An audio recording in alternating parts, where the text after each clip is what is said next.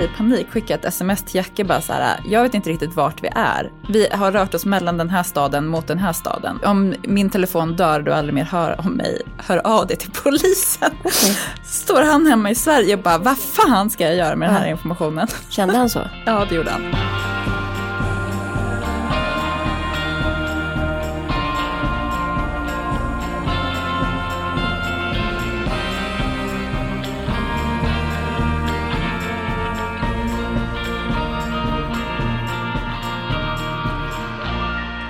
Hej. Hej Elin. Hur mår du? Jag mår bra. Vad bra. Jag känner det som att jag har liksom sprungit sen semestern tog slut. Mm. Och idag kom jag till ett läge när jag typ var i kapp med mitt jobb. Mm. Eh, och då kan man börja tänka på de här sakerna som man, man, in, som man var så här, jag skiter i det där. Mm. Typ Så då är våran jag- bok. Typ våran bok. Exakt så. Vi var typiskt asjobbiga nu precis för vi har sagt till förlaget, världens bästa marknadsteam där, att välj bilder ni, vi behöver inte se något, texter och allt, OK det är ni, vi är så easygoing. Och sen så såg vi material som är jättefint, men som vi, det hade inte vi valt. Nej, Så då var vi inne och peta. exakt. Och då sa Kattis, så här gjorde Åsa Junelius med ett reportage. Så det får vi också göra. Förstår, vi börjar jämföra oss med så här äh, toppformgivare Exakt. direkt. Ja, men man måste sikta högt. Mm. Men jag tänker att den här frågan, hur mår du, är relevant. Eh, därför att den här, vårt liksom, format av poddande är ju både inredning och inspiration och eh, känna av vad som kommer runt hörnet eller vad vi är sugna på. Ja, Men det är också ett ongoing samtal. Precis. Och då är det relevant att få höra vad dagsstatusen är. Mm. Jag tycker det känns som att det var tusen år sedan vi sågs och att det är så mycket som har hänt. Mm. Idag är det onsdag och vi har precis bytt inspelningsdag. Det här är stort. Det är stort. För alltid. Ni vet när man ändrar en rutin i kalendern. För alltid. Ja, för alla kommande tillfällen. Det är onsdag nu som är grejen. Det är onsdagar. Det känns bra tycker jag. Men eh, förra veckan så blev det ju special för att det var måndag och därför känns det som att vi inte har setts på jättelänge. Och du har både varit i Kinna, Köpenhamn och Riga. Mm. Jag har sålt min pappas sommarstuga, du har köpt en häst. Alltså, Oj, ni, har ni sålt den? Vi sålde den i fredags. Grattis! Ah, det var så skönt. Vi sålde den innan visning. Shit vad snabbt det gick. kändes jättebra. Ja. Mm. Grattis! Jag sitter här som en miljonär här nu. Alltså det är bara handpenningen som har betalats in än. Okej, potentiell. Potentiell miljonär. Jag får ju då en fjärdedel. Mm. Okej, Det var inte ett hus i Saltis vi sålde så att säga. okej.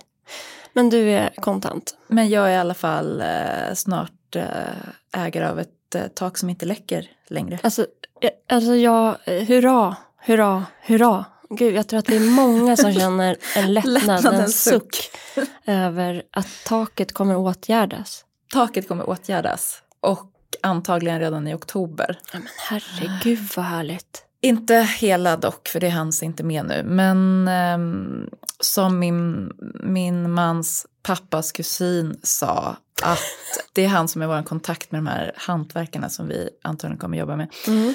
Det är ju redan trasigt, så att vad ska hända? Exakt, annars vill man ju ofta förebygga. Precis så. Vad skönt, det är redan på botten.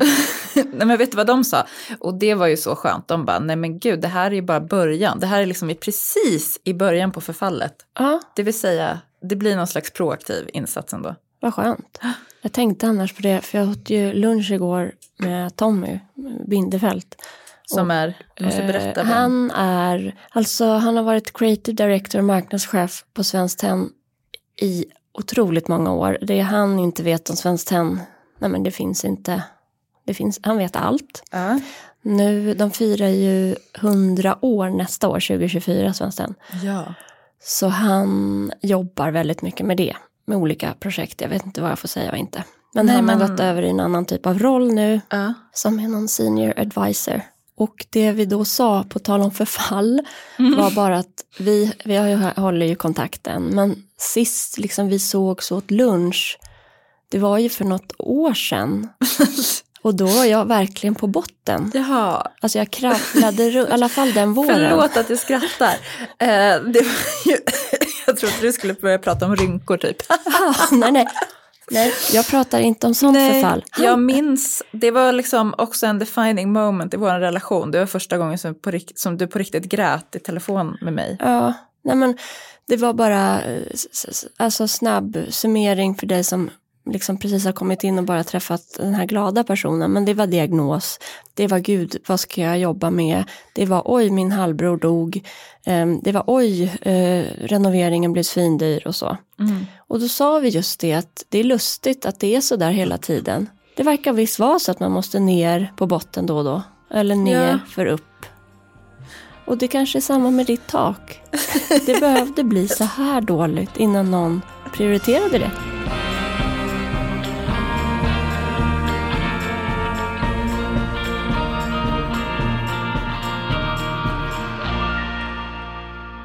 Hur som helst mår jag i alla fall bra Ja, också. Eh, du och mådde ju inte bra där i Riga. jag förstår verkligen, jag kan känna igen mig i känslan av att älska en plats och vara ett med en plats. Och om någon kritiserar den platsen eller så eh, det får bara den som älskar den göra. Ja, det är du? lite som att man, ingen får klaga på ens barn Nej. mer än en själv. Och ens liksom, partner. Mm. Inte ens syskonen faktiskt. Eh, Men det gör de. Men, så därför är jag väldigt försiktig nu i hur jag ska liksom gnälla över Riga. Alltså besöket i Riga, det var inbokat sedan länge. Jag ville se när boken, våran bok Hemtrevligt, trycks. För att fatta att den trycks. Mm, berätta hur det var. Det ska jag strax. Sen adderades resa till Kina och Göteborg därför att min kund Svensson eh, är där. Ja. Och sen även ett besök i Köpenhamn med ett möte för Nordic Nest. Vilket gjorde att jag reste från måndagen till söndagen. Ja. Det är sällan jag gör det. Jag var väl lite trött när jag till slut ankom Riga och så var det lite grått. Mm. Det var både, det var toppar och dalar. Topp var ju definitivt att stå i tryckeriet och se vår bok. Ja, du får godkänna här nu. Jag bara, vad, Gud, du tryckte på knappen. jag bara, ja, vad, herregud, jag vad ska jag panik. godkänna? Färgerna, jämför här nu, liksom eh, skisserna mot hur det ser ut nu. Jag bara, det är bra, det är så bra, säger jag erfarenhetsmässigt. Det var väldigt kul. Mm. Gud. Och så, ja men eh, så häftigt, jag önskar då, men jag ringde ju dig, Ja. men man hörde ju inget för det var så högljutt. Men det var Ja. ändå du var med. Jag var med. Och Milo var med. Och Ah. vi delade det momentet. Alltså, det var han var så gulligt. glad för mig. Vad sa Han bara han hoppade och var så här, din bok mamma, Ja. din bok! Ja, vad Och gulligt. ville typ berätta för alla när han kom till skolan. Ja, det är fint. Det har Ivar också gjort. Mm. Det är faktiskt gulligt. Alltså man tänker inte alltid på det där, vad de tar med sig till, till plugget och avslöjar. Nej, verkligen inte. Men eh, sen så gjorde jag lite Riga och så blev det grått igen och så plötsligt så var det så väldigt så här ryssbalt stat, eh, Sovjet. Alltså forna Sovjet. Ja, och då blev jag pytteliten och då, då bo- bokade jag en flygresa hem direkt. Ja. Sen gick jag och sov och så vaknade jag och det var sol. Och då kollade jag om man kunde avboka den där och det kunde man.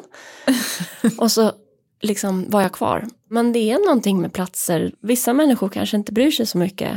Men jag är, är väldigt känslig tydligen. Mm. Jag har liksom alltid haft någon slags fascination för det Sovjetgrå. Ja, kan du berätta? För jag tänkte faktiskt på dig och Rumänien. Ja, jag Du valde ju, frivilligt att åka dit och plugga. Jag var där på ett sånt här Erasmus-utbyte. Ja, det är Ehm, studier. Det var studier, precis. Och eh, det var väl när jag i början av min journalistkarriär tänkte typ att jag skulle bli krigskorrespondent eller något. Alltså mer åt det hållet än jobba med inredning Ja, och design. ja. Så jag och min... Men pågick det något krig i Rumänien? Nej, absolut inte. Men liksom det, det socialrealistiska, Det pågår i Rumänien. det pågår ju även, det pågår ju överallt. Absolut. absolut hemma hos mig med mitt pågående rensningsarbete. Mm. Men jag och min kompis, eller det blev min kompis Lisa Olausson som pluggade så här fotojournalistik uppe i Sundsvall. Åkte dit tillsammans och bodde först på något konstigt vandrarhem som ägdes av en tysk och via den tysken så fick vi hyra ett, eh, nu fick du rysningar, Mm. ordet vandrarhem. Tysk också. Förlåt. Alltså, då, apropå så ställen man har bott på, det var en sån liksom betongkoloss en bit från centrum. Mm. Bukarest är väldigt speciellt för att Ceausescu liksom raderade väldigt mycket av den gamla bebyggelsen. Det finns inte så, alltså Riga är ju liksom en vacker ståtlig gammal stad. Mm. Delar. Och den håller verkligen på att byggas upp också. Ja, jag tänker att Bukarest... Det är eh, verkligen en ståtlig stad. Herregud, gamla stan där är ju wow. Ja, det är det Mm. jag tänker. Det finns inte så mycket Gamla stan kvar i Bukarest. Det finns mycket så här äh, stora gator som ska få en att känna sig miniliten. Det ska kunna åka pansarvagnar där. Ja, och framför allt tror jag att det är så här äh, fram till liksom Ceausescus palats som var en av de största byggnaderna i världen när det byggdes. Så äh, man ska liksom känna att man hela tiden är sedd, storebror ser dig, Mm. känsla. Det är samma i Moskva. Ja, jag har aldrig varit där. Ja, ja. Ja. Med Alex, han ville dra direkt. Gud, Moskva vill jag åka till. Inte just nu, men Nej. idén om Moskva någonstans. Hur som helst så bodde vi då i ett sånt här betongkomplex. Och vi trivdes bra. Vi sov liksom där på en madrass på golvet. Du är allvarlig nu. Jag är allvarlig, Du jag var och Lisa. glad. Ja, men vi var glada. Det var kul i Bukarest. Det var liksom precis när de hade gått med i EU. Det var liksom så annorlunda bara mot allt man har varit med om. Du kände dig aldrig rädd. Nej, det gjorde jag inte. Jo, jo det gjorde jag vid ett tillfälle. Jag ska återkomma. Det var så mycket konstiga saker som pågick. Ja. Vi hade till exempel en jättesnygg lärare som var kanske så två år äldre än oss. Mm. Han kom aldrig tidigare än liksom 45 minuter efter att lektionen hade börjat. Mhm. Det var liksom allmän standard på universitetet. Han tjänade kanske 1200 kronor på att jobba där. Han Mm. försörjde sig som DJ och bodde hemma hos sina föräldrar. Men, Låg du med honom? nej, jag var ihop med Jacke Ja, redan då. okej. Jag låg inte med honom. Hade du velat det? Inte just då. Jag var ju kär i Ja, men skit i Jacke. Om. Jacke inte fanns. Men han var snygg. Han var hunkig. Okej, fortsätt. Och sen så fyllde Jacke 30, vilket betyder att jag måste vara 25. Mm. Och då skulle vi ses i Ungern. Det... Get away i Ungern. Jag har varit där. Budapest. Ja, precis. Och då säger den här läraren till mig, han bara, oh wow, du ska åka till Ungern. Där finns Hennes och Maurits, Lill hos dig. Och Alltså då, wow, alltså, du växer enormt för mig just nu. Jag borde haft med dig när vi framöver ska ut och resa och göra PR för böcker och sånt. ja. Då ska du med när det, när det blir öst. Mm. Det fanns också en jättekul svartklubb i liksom källaren till ett villahus Mhm. som vi brukade gå på. Mm. Där den här läraren och massa andra människor brukade vara. Mm. Det var hur kul som helst. Allt var svinbilligt. Mm. Så fort man kom en bit utanför stan så, blev det, så var det alltid någon häst och vagn som åkte där. Mm. Sen skulle jag och Lisa upptäcka landet utan pengar. För att det blev också så att hon råkade bli pickpockad precis på sitt kort. Och, ja. Trist. ja, trist. Det var trist. Så vi, vi hade liksom inga pengar. Vi skulle till, till en filmfestival i Timisoara norrut. Alltså det var så mycket konstigt som pågick. Vi kom dit och så visade det sig att så här, varenda jävla va- vandrarhem var fullt. Mm. Så vi, vad gör man då? Jo, men vi gick till någon bar och hoppades träffa någon som vi kunde sova hos. Ja, det här har jag också gjort, men liksom i miljöer jag sett på tv, om du förstår vad Mm. jag menar. Alltså i Italien eller i, i Kalifornien eller alltså inte i Jukkasjärvi, eller vad heter det? Timisoara. Ja. I alla Men- fall så var det någon kille som förbarmade sig över oss och vi fick gå till en annan källare i ett villaområde och sova i smyg i hans farmors liksom, källare. ja, men det verkar som ni hade kul. Ja, Men men sen så skulle vi lifta och eh, det var inte lika kul. Vi hoppar in i bilen, man ser att det är sånt här eh, liksom, skydd i fram, ett sånt sätesskydd med en naken kvinna på. Blodigt också. Eh, Det var inte blodigt Nej. än. Den här mannen, han bara, ja men vi bara, okej men vi ska åka hit, släppa av oss för kyrkan, för vi kände liksom, det finns alltid, vi visste inte vart vi skulle, men vi tog en stad och sa kyrkan. Mm. Mm. Det finns ju alltid en kyrka. Då svängde han av från vägen och åkte liksom in bland fälten och man såg på sin mobil att så här, mottagaren blev mindre och mindre. Och bara så här, okej men där går en kvinna med några kor, hon kommer höra om vi skriker. Mm. Han stannar på något bygge och börjar snacka med sina så här byggkompis killar. Usch. Ja, så obehagligt faktiskt. Alltså byggfolk. Nej men män i grupp. Jag skojade. Jag skojade, alltså det lät som att vi tyckte. Så att jag... Älskar byggare.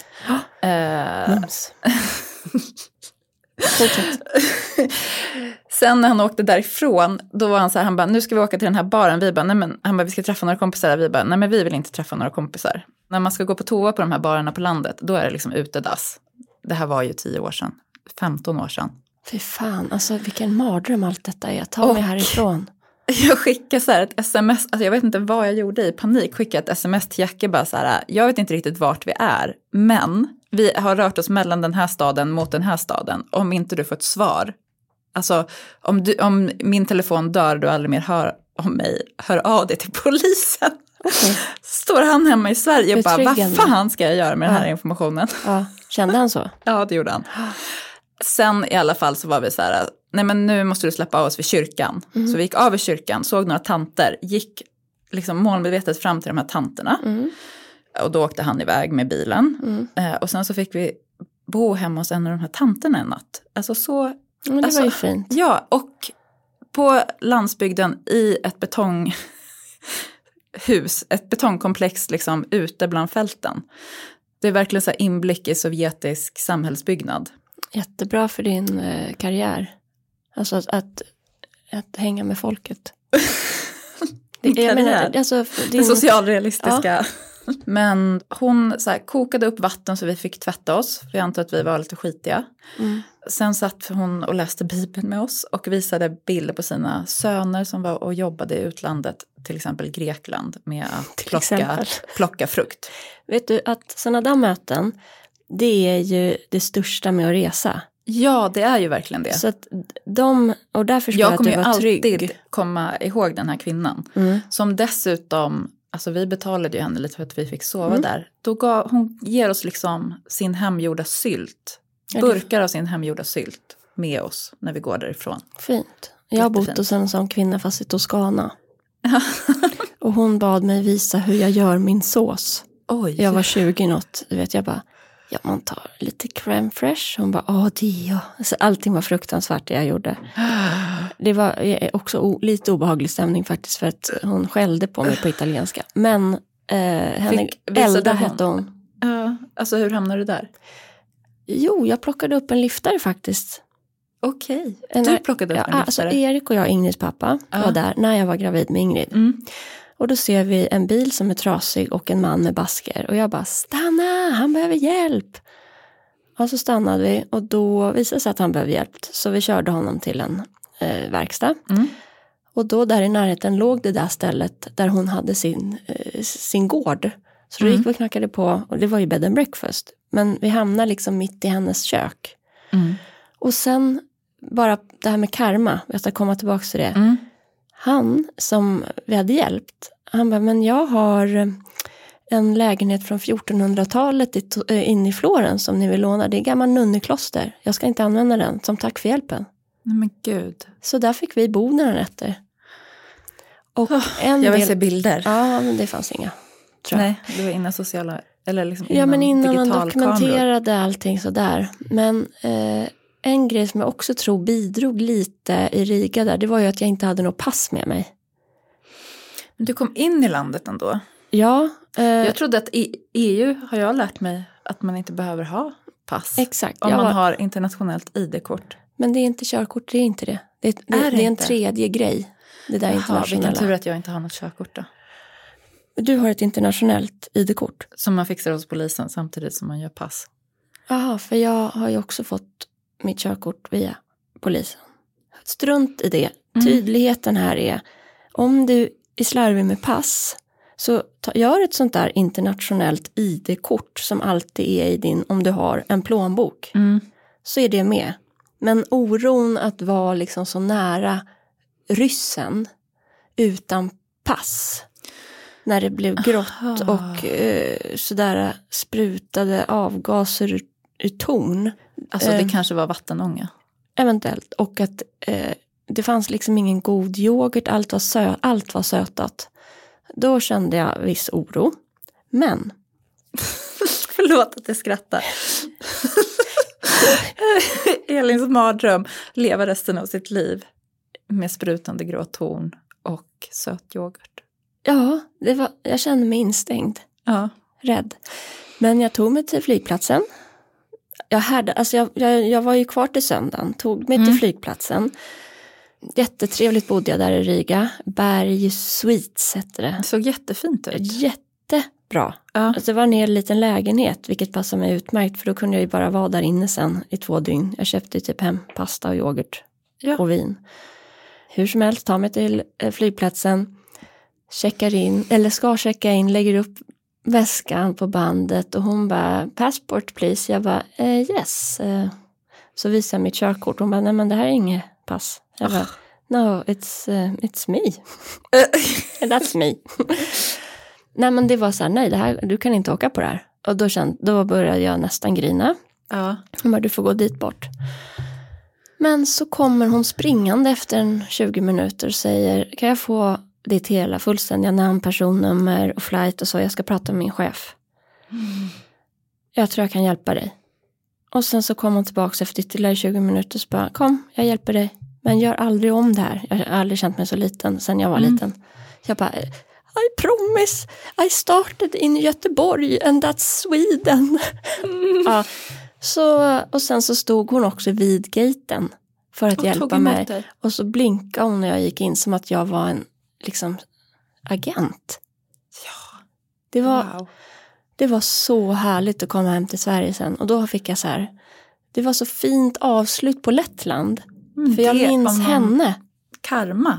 Karma. Därför att jag hjälpte en snubbe som jag åkte taxi med i Kina. Eller det var inte taxi. Nej, just Det här är faktiskt väldigt fint. Ja. För jag hade en Uber bokad från fabriken till flygplatsen för att Mm. ta mig vidare. Den avbokades och plötsligt tiden går, du vet, Kina det är ju inte så centralt. Det finns inga taxibolag där, Nej. Marks kommun. Så då finns det en Facebookgrupp som heter Vem kör i Mark? Oj, vad bra. Och där skrev jag hej, jag måste till flygplatsen nu. Sen så fem minuter senare ringer en snubbe och bara hej, jag bor här, jag kan hjälpa dig.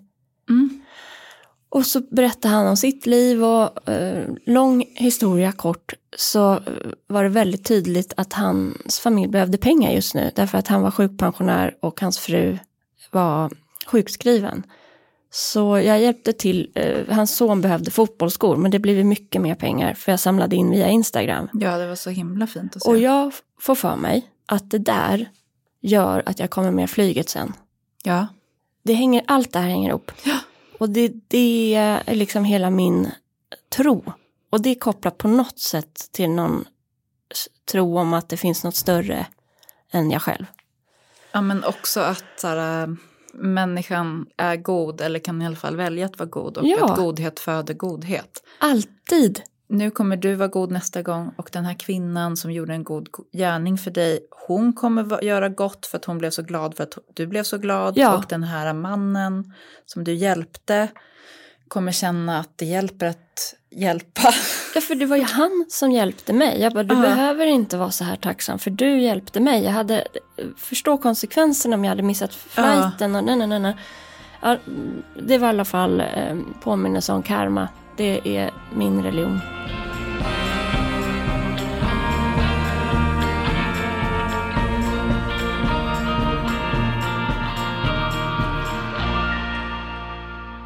Men nu över tycker jag till sovrummet. För du bodde ju i Köpenhamn på, liksom, i sovrummet som har inspirerat ditt sovrum Ja, hemma på i Saltis. Hotell Sanders. Ja. Det här är ju ett hotell som är i alla fall med på min topp kanske tio lista över hotell jag, jag kan inte tio hotell i världen. Så topp två. det är ett hotell som jag har velat uppleva länge. Ja. För det har varit skrivits väldigt mycket om det. Det har skrivits mycket om det, det har pratats mycket om det. Mm. Och jag vill bo där bara för att kunna på morgonen gå upp till orangeriet med en kopp kaffe och läsa tidningen. Typ. Det missar jag. Ja, ja, man kan inte hinna allt. Nej. Och jag gjorde åter den här, nu tänkte jag ju efter innan, därför att när jag var där i juni så chockades jag ju efteråt av hur sjukt svag svenska kronan är jämfört med den danska. Mm. Nu var jag beredd, så jag tänkte så här äh, gånger lite mer. Mm. Är det 6 000 kostar det säkert 7 000. Ja. Så äh, när jag då blev erbjuden det här rummet så var det inte så dyrt. Inklusive min lilla ekvation. ja. Svindyrt. Ja, Alltså så dyrt. astronomiskt. Ja. Eh, och då, eh, plussen, om man, om man liksom, ja men vi åker till Köpenhamn istället för någonting annat eller har ekonomin, då tycker jag absolut att det är ett mysigt hotell, särskilt för oss som gillar heminredning och mysiga miljöer. Mm. De är en av de första, skulle jag säga, som gjorde det här hemtrevliga till ett koncept på ett hotell en nivå upp. Mm. Och sen försöker ju som det där Joanne som du och jag poddade ifrån i Ja.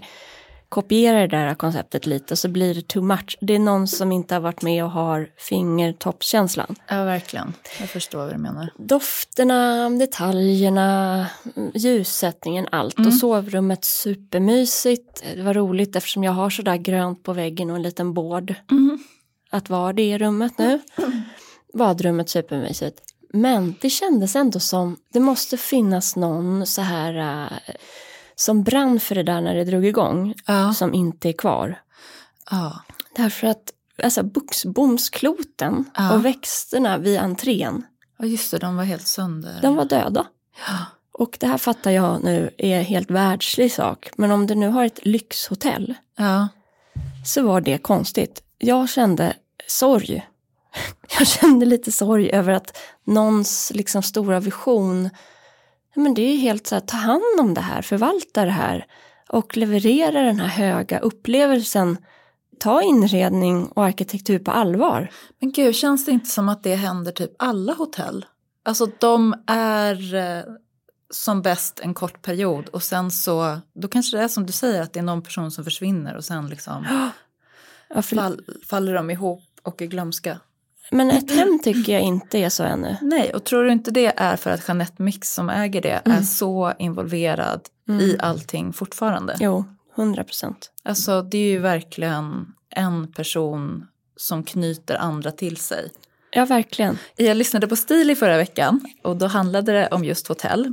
Och då var Jeanette Mix med tillsammans med eh, mannen som har grundat Weguya 1833. Alltså doftmärket som har gjort den, den särskilda ett hem-doften. Eh, Underbar doft vill jag säga. Alltså helt underbar. Och eh, han hade då liksom hittat till hotellet när det var precis nyöppnat och bott där till och alltså liksom återkommit i kanske ett års tid.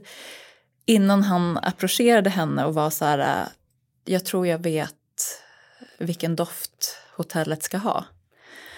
Och så liksom kom den till i ett samarbete men verkligen bottnade i platsen Mm. och i möblerna och inredningen och liksom allt. Och eh, hon var så här, hon bara, men jag får ganska ofta frågor om så här, är det inte dags att byta doft nu? Och hon bara, aldrig i livet. Nej. Det här är doften. Och det där är ju samma om man går till alltså, kvinnor och män som har hittat sin doft, sin parfym och aldrig Typ byter. jag. Typ jag. man kan ha en liten kompis på semestern kanske bara för att eh, Kanske. spicea till det hela lite. Men nej, att ha sin doft. Det är... Alltså en granne på vägen till skolan häromdagen vände sig om och var så här, åh det är så härligt. Här, nu kände jag så här, här kommer Kattis. Mm, jag vet, visst älskar man Ja. det. Jag älskar det. Men, men det jag tänkte på Mm. där på hotellrummet Sanders, Mm. Det var hur man bäddar sängen Ja, vad i intressant. sovrum Ja, är väldigt viktigt. Och härligt. ja. Nu är det slutet av augusti när vi spelar in, första september när det här släpps. idag. En återkommande grej jag håller på med i Mm. liksom, den här säsongen, det är sovrummet. Ja, alltså varje år Varje år. är det liksom tillbaka till sovrummet. Jag, det är någon, bara, det är väl grunden för björnen sover, björ, alltså att jag ska gå i det Ja, absolut. eventually. Ja. Från ute, fix, fix, fix hela tiden, så det är liksom basen på något sätt. Eller först börjar sorteringen, Ja, den massiva, och så exakt. sovrummet. Jag är fortfarande kvar i sorteringen. Ja, men då har jag ju också varit inne på vitt. Ja. Och vårt sovrum är ju, och det vet jag att det är hos dig också, väldigt sparsmakat jämfört med övriga rum Mm. i inredning och färger och intryck. Och det är ju för att vi vill få frid Precis. och lugn och ro. Ja. Men det som är där ska ju vara varmt och mjukt och omhändertagande. Mm. Och den där balansen, för mig i alla fall när det gäller både avskalat och mysigt, är inte jättelätt att få till alltid. Nej, det är ju som att man har, det här tror jag vi har pratat om, men man har ju som någon slags inre balans Mm. som måste återspeglas i hemmet. Precis. Alltså, jag kommer aldrig vara, det kommer aldrig vara helt minimalistiskt hemma hos mig. Nej. För det är inte, det återspeglas inte i, i mig. Nej, men det är ändå sovrummet som är det som sticker ut mest hemma hos oss. Det här skulle Alex bara, jaha, jo, men ja, det är sant. Alltså, jag känner detta. Ja, jag, ser, jag vet det, jag har varit där. Och liksom överkast, kuddar, den här filten nere vid slutändan av foten. Det har aldrig liksom landat riktigt. Nej. Och det settingen har hängt med från lägenheten på Söder. Mm. Och så vår lilla visit till Hammarby Sjöstad och så vidare. Och nu var det som igår att jag kände hur jag skulle göra. Ja. Då var jag faktiskt förbi Sarah Home. Ja. Inte planerat utan jag gled förbi där efter, efter lunchen Mm. med Tommy. Och såg ett slags kviltat överkast Mhm. i liksom vit kräm med lite tunna blommor på. Mm. Eh, Jag kan skicka bild. Mm. Och jag vill ha sagt att det här är troligen inte alls bra producerat. Men det var fint. Så det investerade jag i. Sen har ju jag ett förråd av kudd, örngott alltså, Ja. prydnadskuddar. Så nu är det liksom ljust, ljust överkast, ljusa kuddar och lite, jag blev sugen på libertyblommor. Ah, gud vad Men, härligt. men det har jag ju inte något det kuddfodral är i. konstigt. Ja, Men jag tänker att jag kanske kan kolla på Tradera eller något. Kolla på Tradera och Blocket. Ja, för jag skulle kunna också bara få tyg, för jag kan ju sy. Så, och nu ligger det en avlång kudde där också som är lite så här naturfärgad. Det blir fint. Men det jag ser då är plötsligt att sängstommen, alltså tyget där på våran kontinentalsäng är svart. Aha. Och nu plötsligt är överkastet lite för kort. Okej. Men här är tipset. Säng, alltså, när det gäller sängen, Mm. tillbaks till Sanders, så lyxig känsla, Mm. det är ett enormt tips. Svala lakan kommer fördelaktigt och enkelt genom att mangla. Mm. Och sen, det ska vara mycket av allt. Mycket kuddar, mycket täcke, alltså, mycket, alltså en här, härlig eh, vad heter det, textur. Mm. Och sen, jag vill ju nu ha då en sängkappa, men den får inte vara volangig och gullig. Alltså det får inte bli, och sängkappan är, Inte med allt det där andra. nej, utan nu vill jag, och det här har jag gjort inne i Olles rum, då tog jag ett överkast och la, alltså ovanpå madrassen innan bäddmadrassen. Mm. Och eh, fixade lite så att det ser rakt ut. Liksom. Den är inte figursydd för sängen. Men Nej. det är ett tips. För då det blir liksom enhetligt. Då är den lite krämig och så kommer lakan och allt det där andra. Så det ska jag göra i helgen tänkte jag på sängen. Alltså jag har kört med ett stort lakan. Det går Samma, också. samma grej.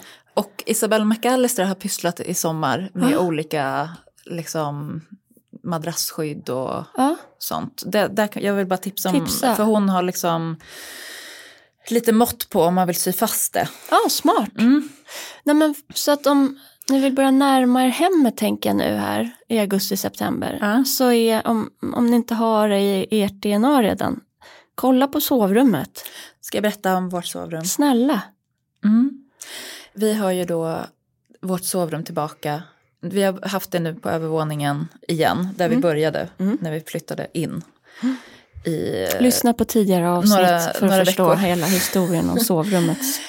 och jag njuter så mycket av att gå och lägga mig, jag njuter så mycket av att vakna där. Mm. Det är underbart. Mm, ja, jag förstår. När det inte är det så känns det ju inte så där. Nej. Sen är det inte allt som jag vill ha det. Milo har liksom satt kludd, han hade affischer på hela väggen och det är en sån här kalkfärg. Så det är stora fläckar. Ja, ja, det går att åtgärda. Så nu är jag så sugen på att måla och då vill jag ha det liksom en rödaktig terrakotta. Fortfarande kalkfärg för det tycker jag är väldigt behagligt i ett sovrum. Mm. Mycket behagligt. Kalklityr eller kalklityr. Jag vet inte. Är det från Island? Ja det är det. Hur visste du det? Sleipnir och Tryggir. Det är så hästarna heter. Ja. Det är från Island. Det kommer därifrån. Kalken alltså. Nej, jo jag vågar inte svära på det faktiskt. De producerar den i alla fall. Sen har jag eh, under sommaren varit besatt av så Donald Judd. Han är amerikansk abstrakt konstnär. Nej, ingen aning. Han gjorde abstrakt konst. Jag får väl googla. Men han hade också eh, ett ställe i Marfa. Där han började göra möbler. Mhm. Det är inte Marthas Vineyard. Inte Martha's Vineyard utan eh, Marfa med F Ja, den i gamla. Texas Just tror jag. Mm. Och han gjorde liksom såna här enkla DIY-möbler. Gör det själv. Gör det själv. Som jag har varit peppad på. Mm.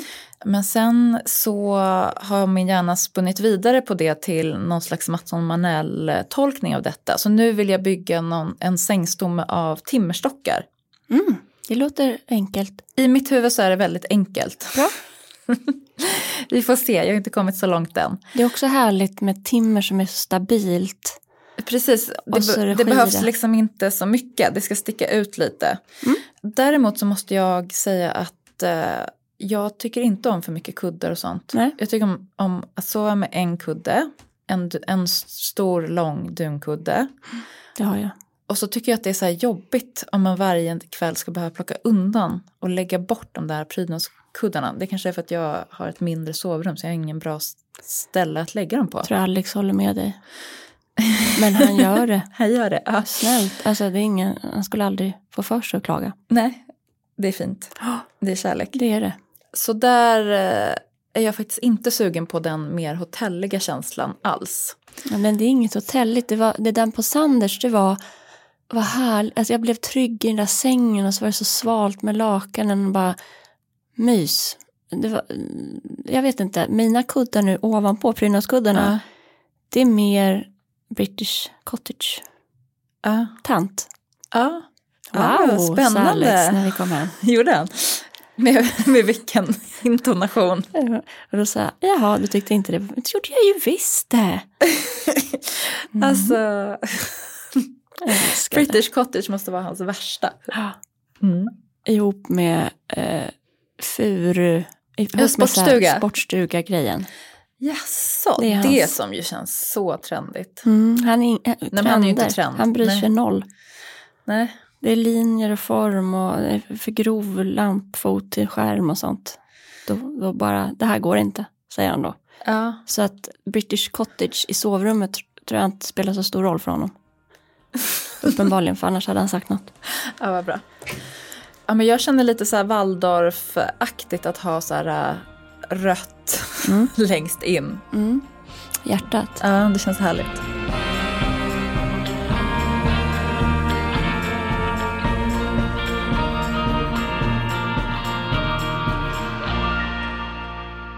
Att inte du har barnen i Waldorfskola. Alltså det hade jag kunnat haft om jag inte hade varit gift med någon annan. Ja, okej. Ja, det är lite som man, vissa ser det som en sekt. Mm. Att det är ett ställningstagande. Alltså jag tror så här. Jag har funderat på det på riktigt för att i Hökarängen så finns ju Martinskolan. Dels så har jag googlat en massa och hamnat på olika forum. Mm. Det verkar inte som att alla barn är helt förberedda för liksom vidare studier efter att ha gått Nej. Eh, där. Det här är alltså källa internet.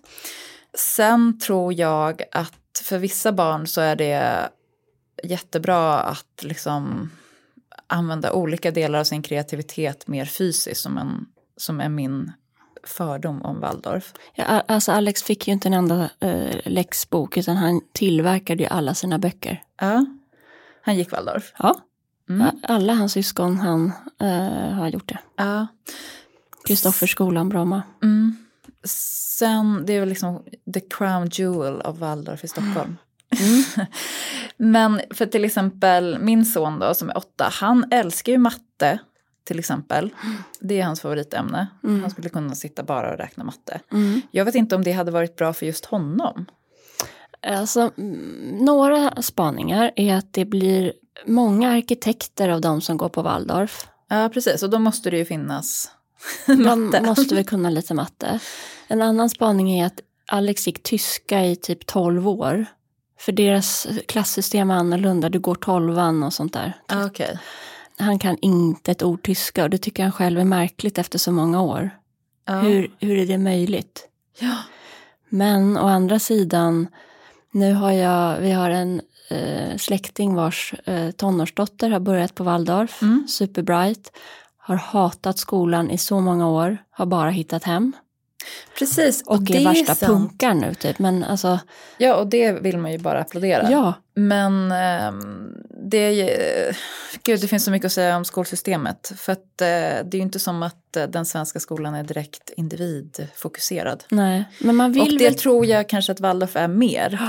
Att man kan liksom, Jag har man att- rätt lärare så kan man få mycket mer hjälp att hitta lusten i lärandet i sig. Liksom.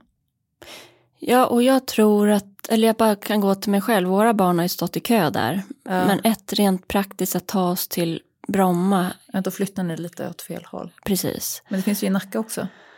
Ja, Idun. Precis, den har vi också kollat upp. Men vi har ju inte gjort det hittills. Jag har nog varit mer nyfiken än Alex. För att Mm. jag får för mig att han, fast han är positiv också. Så att eh, jag fattar plussen och minusen. Eh, man vill, jag vill bara att mina barn ska må så bra som möjligt och klara sig liksom med baskunskaperna. Alltså Mm. att få dem. Det behöver inte vara A i allt eller något. Det behöver, strunt i betygen, men bara ta dig igenom skolan och att det finns kompisar och att du sen kan välja. Det finns att det blir kanske lite av en inriktning med Waldorf. Jag vet inte. Jag vet ju inte heller. Nej, det här är verkligen snillen spekulerar. Det, jag tycker det finns jättemycket som lockar i det. Ni får gärna berätta för oss. Ja, jag har vänner som har sina barn på Waldorf och är jättenöjda. Jag med, ma- äh, många. Och jag har många vänner som har sina barn i vanlig skola och de är jättenöjda också. Mm. Eller missnöjda. Jag känner jättemånga barn som hatar skolan.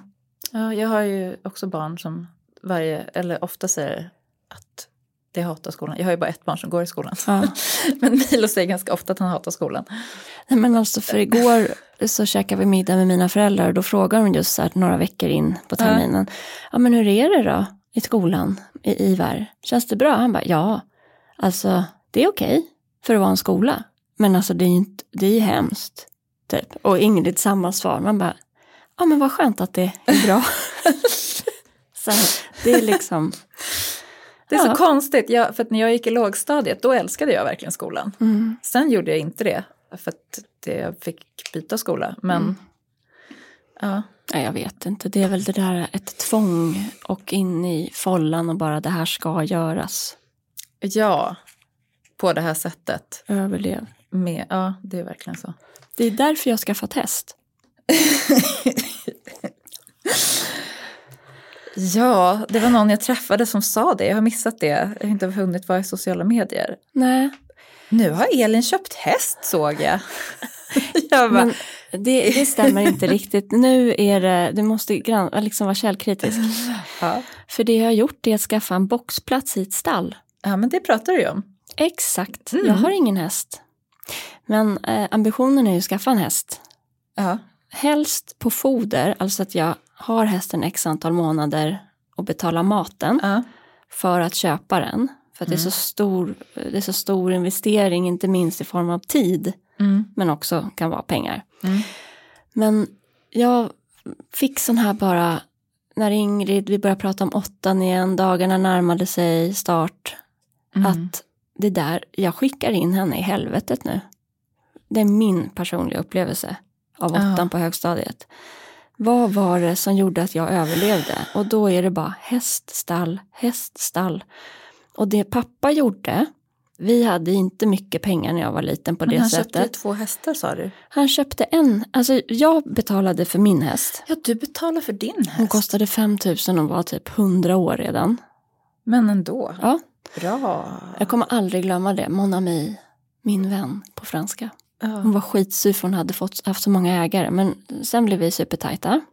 Att du vet när transporten, att åka med en häst i transport, fälla ner den där äh, landgången och så leda ut sin sura häst. Fantastisk upplevelse. Nej, men sen köpte pappa en nordsvensk. Alltså vi pratar så här 10 000 kronor, vilket är mycket pengar. Mm. Men hästar kan ju kosta flera hundratusen. Mm. Han hade aldrig ridit. Fixade en cowboysadel. Och sen höll han liksom fast sig i knoppen och vi red. Och att den där tiden som han var med mig i stallet och sen att jag var i stallet, att det blev liksom, det bara förstärktes att det här är en värld. Mm. Det vill jag ge Ingrid. Hon har bara provat att rida på ridskola och det går inte att jämföra. Och nu håller jag ju på på temat Gräv där du står. Ja. Och när den här annonsen för det här gudomliga stallet dök upp så var det bara, det är meningen. Mm. Vi testar. Alltså apropå det här med eh, sin egen religion. Mm. Att hitta meningen i de där små tecknen. Liksom. Mm. Det, det jag tycker det, det gör eh, livet vackrare. Ja, för det var eh, någon som sa så här, men oj det är så mycket tid och du blir så bunden. Jag bara, ja det blir vi ju, men jag vill bli bunden. Jag tror jag vill Är det bli, det du vill? Jag vill Ja. liksom bli fast, alltså jag, inte Det är sitta det du fast. håller på med kanske? Utan jag vill förankra mig. Alltså, jag har alltid haft så bråttom med alla boenden och vidare framåt och projekt. Ja. Och nu när jag kom på här i somras, efter att ha kollat på lite andra bostäder och gårdar och sånt, Mm. Att jag vill bo där vi bor. Mm. Det var ett sånt otroligt lugn. Och så kom jag på, nu tände hon ficklampan på mobilen som vi mammor gör då och då. Mm. Eh, jag kom på att, men då har ju inte jag bråttom. Om jag ska bo här, förhoppningsvis lever jag ett tag, Mm. då behöver ju inte allt det här som jag har tänkt ska bli klart snart, vara klart snart. Så då skaffar jag en häst istället? Då kan jag chilla lite med det. och gå till stallet. Alltså jag, jag älskar det här med dig. Men jag är inte säker på att alla skulle hålla med om att det var att chilla. Nej. Jag Men det förstår- är väl upp till den. Jag tror, Och dem. men Alex jag pratade lite om det här. Och han bara, men det är så stort åtagande. Det är klart att det ska göra det där, men vänta ett par år. Ja. Rimligt. Men Ingrid är 14 år nu. Mm. Om ett år, två år är hon inte det. Om tre år, då är hon på väg ut i världen. Alltså inte att hon har flyttat, men det här är ett ögonblick. Ja. Och, och har du haft häst och bott på landet, som jag, Mm. då är det inte en sån jättegrej. Det är samma med hönsen var ju också, bara, men herregud, höns. Och Mm. allt det här, det är precis som att jag ville ha Olle. Så skaffade vi hund först och så bara, oj, gud, det var inte samma sak. Jag vill ju ha häst, jag bara, nej men kanin, höns. Ja, Så nu har jag allt det där, jättehärligt. Du glömde också katten. Ja, men det är, är kopplat till att ha hus. Ja, jag vet. Det är en funktion. Hon levererar, alltså hon dödar Döda ju. fåglar. Ja, men också råttor och sånt. Eller skogsmus då, men det kan ju bli råttor. Ja, med hönsen. Exakt, så att eh, allt har en funktion. Mm. Nej, men det känns eh, också är de så himla mysiga i det där stallet. Skogsö stall, stall Skogsö. Så det känns som jag har hittat hem. Gud vad töntigt det låter. Men Ja, det kändes men som grattis. mitt barndoms, barndomshästliv. Ja. Det var så här gråt eh, moment och Ingrid var på värdelöst humör när vi åkte dit första gången och så två timmar senare hon bara allt jag var stressad över bara försvann när jag var där. Du vet, jag Oh. bara, åh vad bra. Försökte jag typ inte visa att jag började grina. Brukar inte dina, mina barn är så här, mamma varför låter du konstig på rösten? Mm. Eftersom jag blir rörd Ja. hela tiden. Det är bara att man inte har något filter till, alltså jag har ingen, jag kan inte styra tårkanalen. Nej. Agree. Ja, så på söndag ska vi åka och provrida en häst i Växjö. Mhm. Vi får se. Det här ska ju ta väldigt lång tid och inte ske förhastat. En vecka, det är väl lång tid i, i Elins värld? Jag, jag har också skrivit med jättemånga hästförsäljare. Ja. Så att vi får se. Vi ska inte stressa igenom några beslut. Tänk på båten och allt. Mm.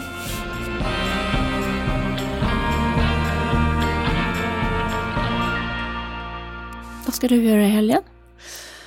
I helgen ska jag eh, på 50-årsfest. Mm. Det känns smått hisnande. Mamma var så här, hon bara 50-årsfest? Hon bara det är ju som, jag bara ja det är ju som i din ålder. Ja, Man blir 50 och sen blir man inget mer. nej. Så det ska bli kul hoppas jag. Du vet 50-åringarna är typ likadana som vi. Ja, och sen är 60-åringarna typ likadana eller? Ja. Tydligen är 60 det nya 40 har jag fått, hörde jag på P1. Ja, På var P3 något. var det. Amelia Damo. Exakt. ja. Och det, it makes sense. Plötsligt så förstår jag varför jag, alltså Alex är ju 50, vilket jag tyckte var lite hisnande när han fyllde 50, att jag eh, ligger med en 50-åring. Mm. Tills jag bara förstod att jag är 40. Ja. ja. Att det är inte är så konstigt. Och att eh, vi är fräscha för vår ålder. Ja, ja, men gud, det var ju konstigt att ligga med en 30-åring när man var 25 också. Så att, Det gjorde jag aldrig. De var alltid 25. ja, De har alltid varit runt 50. de har alltid varit runt 50. Ja, ja. Ha det så kul på din fest. Tack, ha det så kul i Växjö. Mm-mm. Trevlig helg. Trevlig helg.